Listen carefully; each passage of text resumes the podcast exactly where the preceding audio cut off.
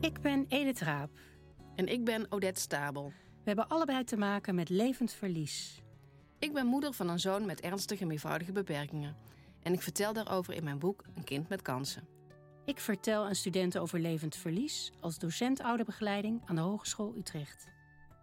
Levend verlies. Steeds terugkerende gevoelens van verlies, verdriet en rouw van ouders met een kind met een beperking of chronische aandoening.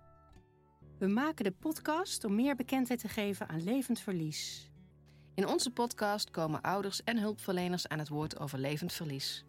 Wat is levend verlies precies? En hoe kunnen hulpverleners ouders ondersteunen?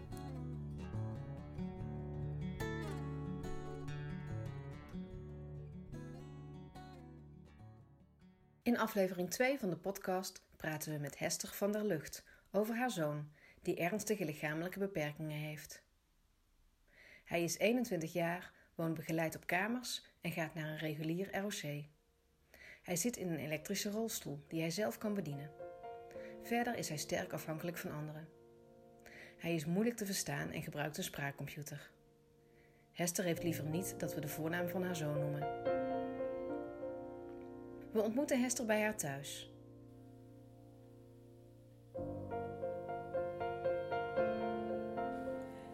Mijn naam is Hester, ik uh, ben getrouwd en um, we hebben samen drie zonen. En de oudste zoon is 21 en dan een zoon van, nou die wordt zondag 18 en eentje van 15. Ik heb eigenlijk een, uh, een hele voorspoedige zwangerschap gehad.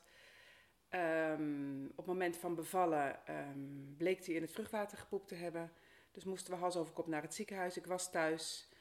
Um, in het ziekenhuis is hij nou, met spoed gehaald. En eigenlijk kwam hij levenloos uh, ter wereld. En toen is hij eigenlijk direct naar een kinderziekenhuis gegaan. En uh, de volgende dag zijn we ook naar het kinderziekenhuis gegaan. En toen zeiden ze: Hier gaat je kind uh, schade aan. Heeft je kind heeft schade opgelopen. In welke mate kunnen we niet zeggen, maar hier gaat hij iets aan overhouden. En levenloos ter wereld, dus hij was echt al niet meer in leven. Klopt. En hij is weer. Ze hebben hem moeten reanimeren. En um, ja, nadat ze hem gereanimeerd hebben en hij ging weer zelfstandig ademen, toen hebben ze hem naar een kinderziekenhuis gebracht. Ja. Goh. En hoe was die boodschap? Hoe was dat om dat te horen? Um, ik kan me van de bevalling zelf eigenlijk um, niet meer zo heel veel herinneren. Ze hebben hem naar het kinderzie kinderziekenhuis gebracht. ik bleef in het ziekenhuis. De volgende dag kwamen we bij die arts. Ja, het was heel moeilijk om je dat eigen te maken, omdat ze er eigenlijk inhoudelijk niks over konden zeggen. Ik weet dat ik nog wel vroeg: heeft mijn kind nu een verstandelijke beperking? Toen zeiden ze nee, een kind wat uh, gehad heeft, in die mate als jouw kind, zal die er een motorische beperking aan overhouden. En in welke mate kunnen we nu niet zeggen.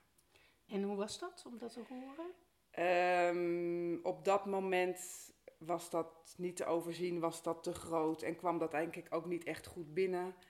Um, het was meer de zorg van: oké, hij ligt in het ziekenhuis. Ik ben vanaf dag één mijn kleren aan gaan doen en dagelijks naar dat ziekenhuis heen en weer gaan reizen. Um, dus de impact van die boodschap, die konden we toen niet pakken. Kan je een moment herinneren waarop je die impact wel ja, pakte? Ja, dat was na negen maanden. Hij heeft eigenlijk de eerste negen maanden heeft hij gehuild. Uh, we kregen hem na een tijdje, na een paar weken mee naar huis. Toen hadden we een huilbaby die dag en nacht huilde.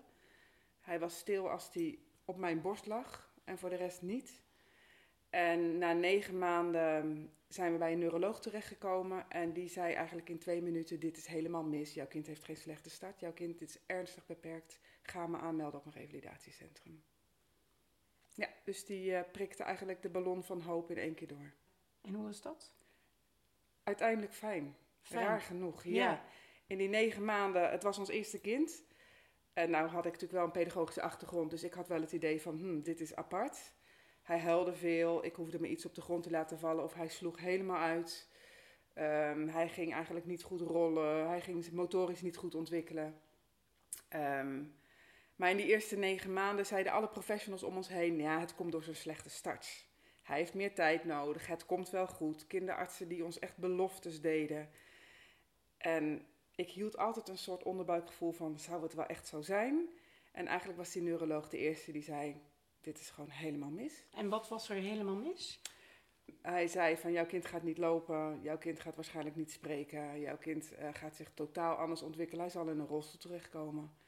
En natuurlijk kan hij misschien nog wel wat leren, maar ga van het slechtste scenario uit. Dat hij in een rolstoel komt en totaal hulpbehoevend is.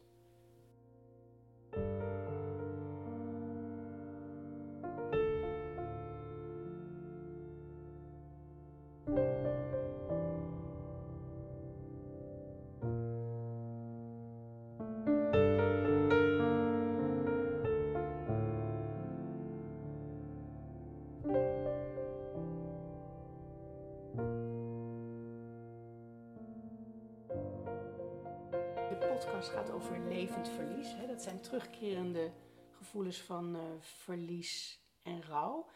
Heb je een moment waarvan je denkt dat speelde toen? Dat gevoel herken ik van dat moment? Nou, ik denk in sociaal opzicht. Okay. Dat uh, wij hadden vrienden die eigenlijk op hetzelfde moment ook een kind hadden gekregen. En dat kind ging zich motorisch ontwikkelen.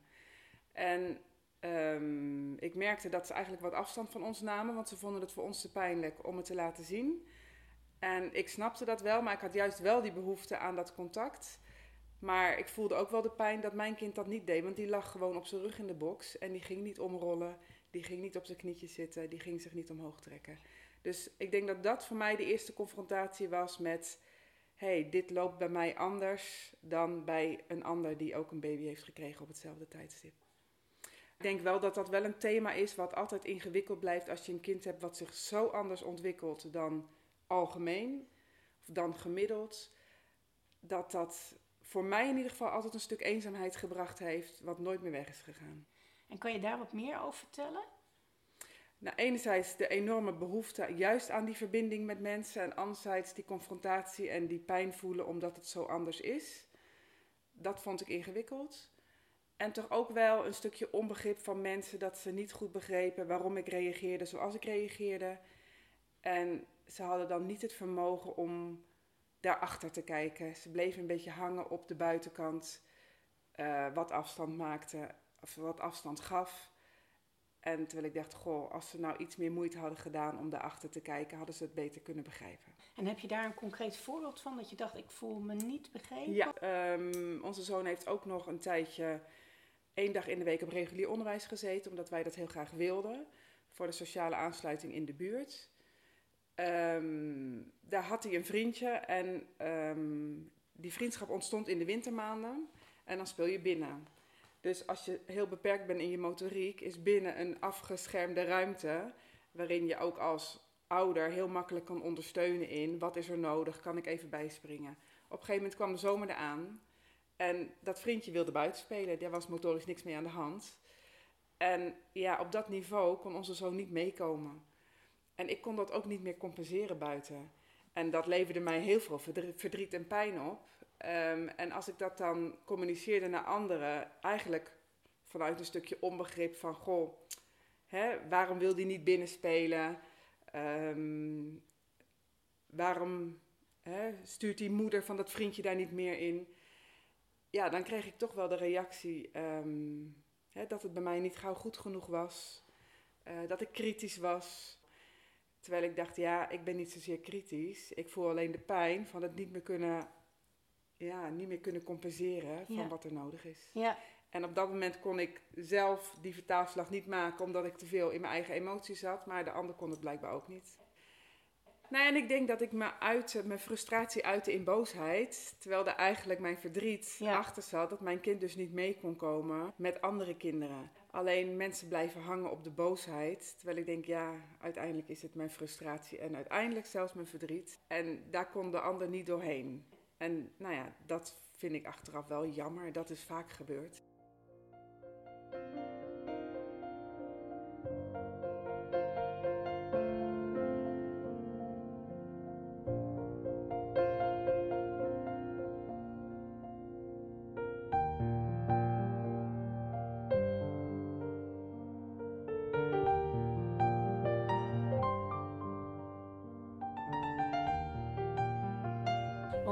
Vraag van, is jouw gevoel van dat levend verlies, is dat veranderd in de loop van de tijd? Want je zegt zelf, op dat moment kon ik het niet alsof het nu wel gaat. eh, Ja, nou ja, ik ja. denk voor mij het verschil is nu dat hij 21 is. Hij woont eh, begeleid op kamers. Dus de dagelijkse zorg is voor mij nu weg. Wat maakt dat ik ehm, wat ontspannender in het leven kan staan, omdat ik gewoon de dagelijkse fysieke zorg voor hem niet hoef te doen. Eh, daardoor kan ik weer wat meer hè, moeder zijn en eh, niet alleen maar die verzorgende taken op me nemen. Daardoor voel ik me ook ontspannender en heb ik ook zelf meer ruimte om dingen juist te labelen naar mijn omgeving. En dat is dus nodig, dat jij daar iets in doet. Ja, En wat vind je daarvan? nou, dat vind ik eigenlijk wel heel verdrietig. Want Ja. je hebt al eigenlijk een zorg of een probleem. Maar je hebt ook nog het probleem van de vertaalslag naar je omgeving. En dat heb ik ook wel eens gezegd. Van, ik heb niet alleen eh, een kind met een beperking. Maar ik heb ook nog een omgeving waar ik eigenlijk zelf de brug naartoe moet zijn. Maar als ik zelf aan puin lig, kan ik die brug niet zijn. En heb je ook wel voorbeelden waarvan je denkt, nou, dat heeft mij echt gesteund ehm, tussentijds? Vanuit professionals bedoel je? Ja, bijvoorbeeld professionals, maar ook gewoon je omgeving. Mensen die jou juist in dat levend verlies gesteund hebben. Nou, dan gaan toch mijn gedachten uit naar een vriendin met een kind met een, ook een kind Ja. met een beperking. Die ja, dat aanvoelt waar dingen besproken mogen worden. Waar dingen misschien wel tien keer besproken mogen worden. Ik denk dat ik het, dat, dat het meeste steun levert. Dat je erover mag blijven Ja. praten. Ja, ja. En waarom is dat? Omdat ik toch het idee had dat dat in een groot deel van mijn omgeving niet kan. Het, het is op een gegeven moment een soort gegeven. En niemand heeft dat letterlijk tegen me gezegd, maar het voelt toch als: mag ik daar elke keer weer over beginnen? Ja, en waar dat gevoel precies vandaan komt, weet ik niet. Want niemand, nogmaals, niemand heeft ooit gezegd van joh, je moet je mond erover houden. Maar blijkbaar heb ik ook niet de ruimte gevoeld of de uitnodiging gevoeld om het weer bespreekbaar te maken. Nee. En wat zouden mensen daaraan kunnen doen? Nou, ik denk wat mij toch wel zou helpen is dat mensen er actief over vragen. En dan ben ik altijd nog degene die kan zeggen van goh, ik wil het daar wel of niet over hebben. Ehm, maar ik zou dat wel prettig vinden als daar een soort actieve uitnodiging lag om daar nog eens naar te kijken van goh, hoe ervaar je dat nou? En nou, dat toch wel een soort van blijvend met een bepaalde regelmaat terug te laten keren in de contacten. Wat zou concrete vraag kunnen zijn? Ehm, nou, hoe sta je er op dit moment in? Eh, zijn er dingen die juist in deze fase waarin je kind zit je raken? Ehm, nou, bijvoorbeeld, eh, goh, hij is 21 geworden. Hoe ervaar je dat? Wat voel je daarbij? Eh, zijn er specifiek dingen rondom die leeftijd waarvan je denkt, oh ja, nou, dat mis ik nu? Of ik denk zulke soort verkennende vragen. Want Ja. hoe is dat? Hij is 21 geworden. Nou, Hmm. ik merkte dat ik de leeftijd, de verjaardag van 18, nog confronterender vond dan 21. Ik vond de 18e verjaardag echt confronterend. Enerzijds probeer je een fijne dag te creëren. En anderzijds dacht ik, goh, 18. Hoe zou zijn leven geweest zijn als hij een gezonde ontwikkeling had doorgemaakt? Ja, ik vond dat heel confronterend.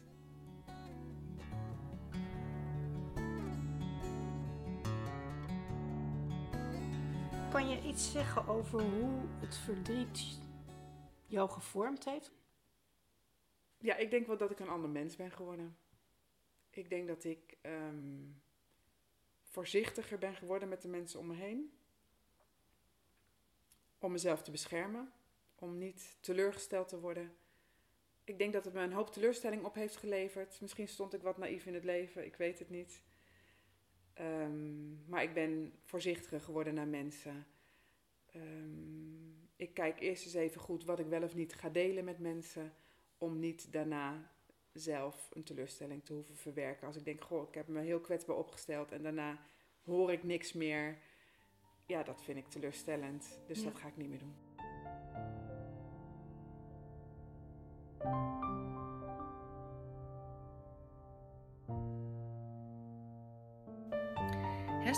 Dat ze na haar oudste zoon nog twee zonen kreeg.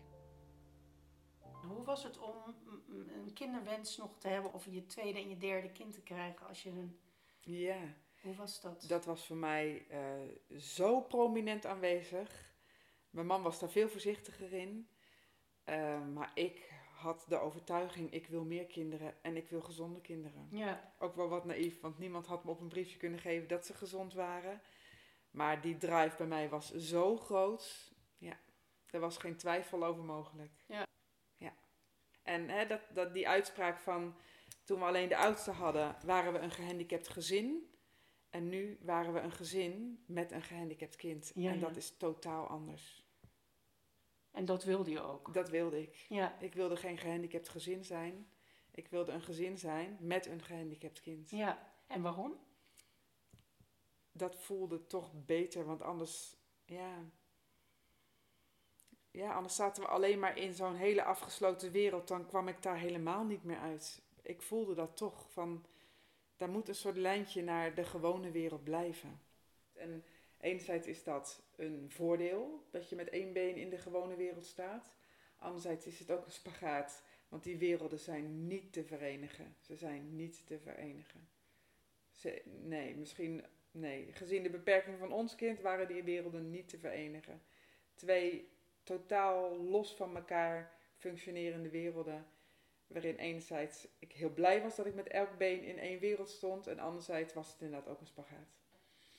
En waarom zijn die werelden niet te verenigen? Waarom merk je dat? Nou ja, onze oudste zoon kan qua, qua tempo, qua motoriek, qua eh, inter, communicatie, interactie. Hij kan op geen enkel vlak meedoen. Op geen enkel vlak. En de meest simpele dingen in de gewone wereld zijn bij hem totaal ingewikkeld. Alleen al als je zegt we gaan met de kinderen picknicken, hij kan niet eens in het gras zitten. Ja, ehm, nou ja, dat is eigenlijk juist zo leuk van picknicken. Op een kleedje in het gras zitten. Ja.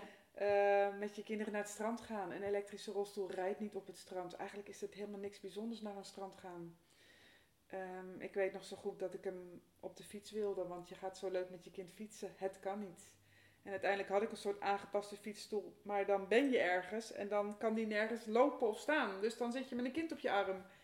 Ja, het zijn de zo basale dingen in het leven die niet meer kunnen, of in ieder geval niet gewoon kunnen. En ja, dat is gewoon. staat zo ver af van de dagelijkse realiteit van andere mensen. Ze kunnen het niet verzinnen. Ik weet dat ik met die tweede op een gegeven moment, toen die kon lopen, hem in een fietsstoeltje zette.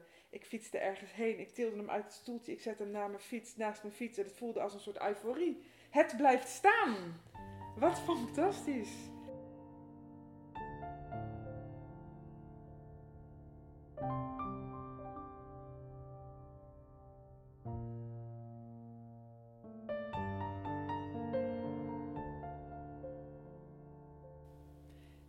Ik denk wel dat ik eh, heel veel jaar eigenlijk alles op hem gericht heb. Van hoe gaan we eh, voorwaarden scheppen om ehm, hem te laten ontwikkelen.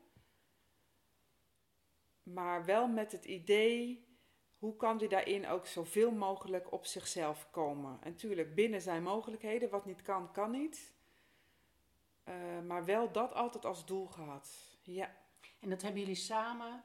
Nee, ik liep daarin denk ik heel sterk voor op. Mijn man Ja. vond dat spannend. Die vond ook dat ik... ehm, ja, die vond het ook vaak zielig. En dat was ook vaak wel hartverscheurend. Toen hij 13 was en hij ging twee dagen in de week eh, ergens anders wonen. Eh, het was huilen, het was mam kom me halen, ik moet naar huis. En het was wel echt hartverscheurend. En dat ik zei, ik zit thuis ook te huilen. Maar we moeten dit doen. We moeten dit doen. En ik ga met de ge- begeleiding afspreken dat jij geen contact meer met mij op gaat nemen in die twee dagen. Eh, Als je ziek bent, kom ik je halen. Als er echt grote dingen zijn, kom ik. Ik woon een kwartier bij je vandaan, maar niet meer doen.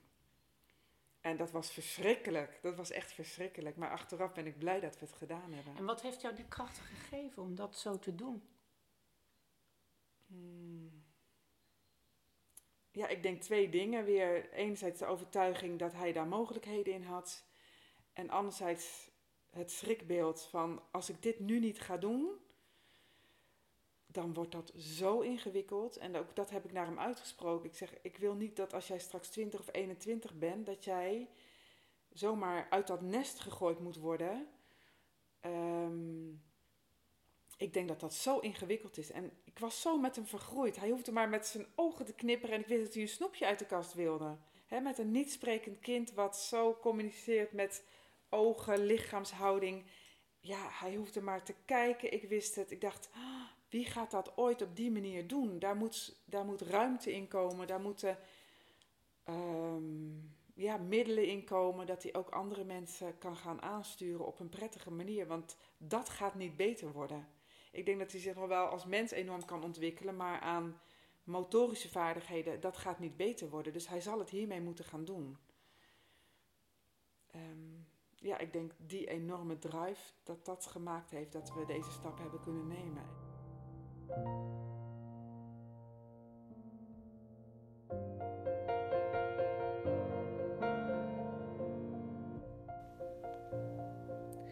Hester vertelt dat ook haar zoon soms verdriet ervaart om dingen die voor zijn vrienden mogelijk zijn en voor hem niet. Kun je iets vertellen, want dat klinkt als levend verlies bij je oudste zoon ook, hè? Ja. Dan kun je daar iets over vertellen hoe dat voor jou is, of voor jullie is, om dat dan te zien? Ja, ja. Nou, ik denk dat, dat ik vind het heel pijnlijk om te zien. Ja. eh, Maar ik denk dat ik daar jaren eh, wel zijn sparringspartner in geweest ben. Maar ik weet dat we in de puberteit en toen hij ook parttime op, op kamers woonde of ehm, uit huis was. Ik weet nog wel een moment dat ik zei: Goh, ik denk dat je voor je eigen stuk ook iemand buiten mij moet gaan zoeken. We hebben daarin allebei onze eigen weg te gaan. Ik ervaar pijn en verdriet. Jij ervaart het. Maar ik ben nu niet meer degene die daarin voor jou kan zorgen. En dat begreep hij heel goed. Dat is natuurlijk weer het voordeel als je cognitief zo goed eh, op niveau bent. Hij kan heel goed reflecteren op dingen. En op een gegeven moment zijn onze wegen daar echt heel bewust in gescheiden. Omdat we allebei onze eigen verdriet hadden. En het is niet meer hetzelfde wat ik voel en wat hij voelt. Ik denk dat we jaren een soort symbiotische relatie hebben gehad. Omdat die zorg voor hem zo groot was. En op een gegeven moment is er een moment geweest dat ik zei van... Goh, ik kan dat niet meer voor jou doen. Ja, Maar ik heb denk ik wel ja, altijd heel veel vertrouwen gehad in zijn cognitieve mogelijkheden en ook zijn reflecterende mogelijkheden. En ik denk dat we daar van jongs af aan al mee bezig zijn geweest. Dus hij is dat ook gewend geraakt. Ja. Een voorbeeld daarvan is dat op een gegeven moment dat hij zei van... Goh mam, ik ga niet meer elk weekend thuiskomen. Want dan ga jij weer de verzorgende moeder spelen en dan ben ik weer het afhankelijke kind. Kom maar bij mij koffie drinken. Dan denk ik, nou, als een kind van 17 daar zo naar kan kijken en die processen ziet... Dan denk ik, goh, bijzonder. heel bijzonder. En dan voel ik dat ook niet als afwijzing. Dan denk ik, nou kind, ik kom met liefde bij jou koffie drinken. ja, ja, mooi. Ja. Heel mooi. En dan denk ik, nou, dat is meer dan we ooit hadden durven hopen. Ja, prachtig. Ja.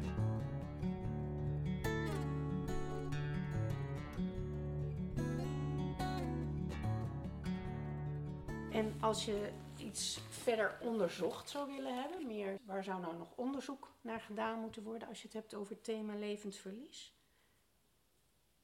Nou, voor mij zou wel heel erg ehm, helpend kunnen zijn van hoe kan je als je zelf als ouder ehm, in die enorme emotie zit en niet in staat bent om zelf die brug te slaan naar je omgeving. Wat zou daarin dan nog helpend kunnen zijn eh, om die verbinding wel te behouden met je omgeving? Want anders heb je niet alleen een kind met een beperking, maar ben je ook nog ontzettend eenzaam. Ja.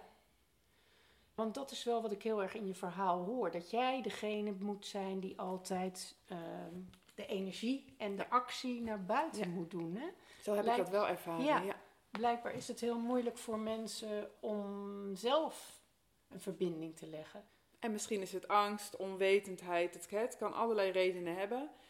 Maar het idee van, goh, ik heb niet alleen een probleem met mijn kind, maar ik heb eigenlijk ook nog een probleem met mijn omgeving. Ja. Dat heeft voor mij enorm gespeeld. Eh, als je eh, mensen iets zou willen meegeven wat op een tegeltje past, wat zou dat zijn? Wat is nou echt belangrijk volgens jou ten aanzien van het thema levend verlies? Hmm, blijf de ouder langdurig zien in het levende verlies. Ehm, ja, kies ervoor dat bewust weer met enige regelmaat op tafel te leggen.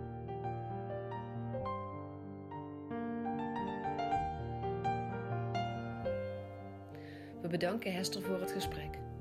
Trots maakt ze nog een laatste opmerking over haar zoon.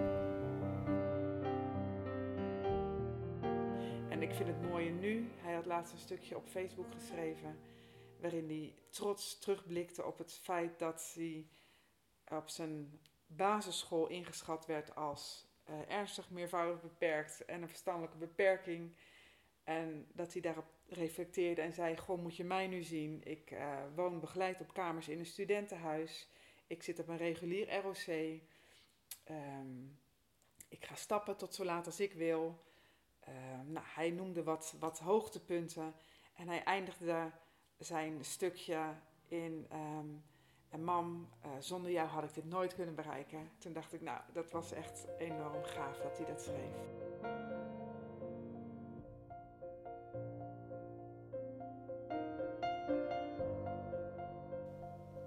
Je hebt geluisterd naar Hester van de Lucht. Dit was aflevering 2 van de podcast Levend Verlies. Wil je reageren? Laat dan een bericht achter op onze website.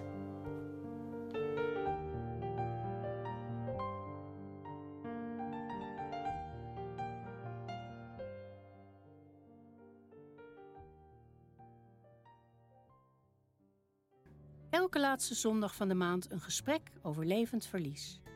Ik ben Odette. Ik ben Edith. Abonneer je op onze podcast levend-verlies.nl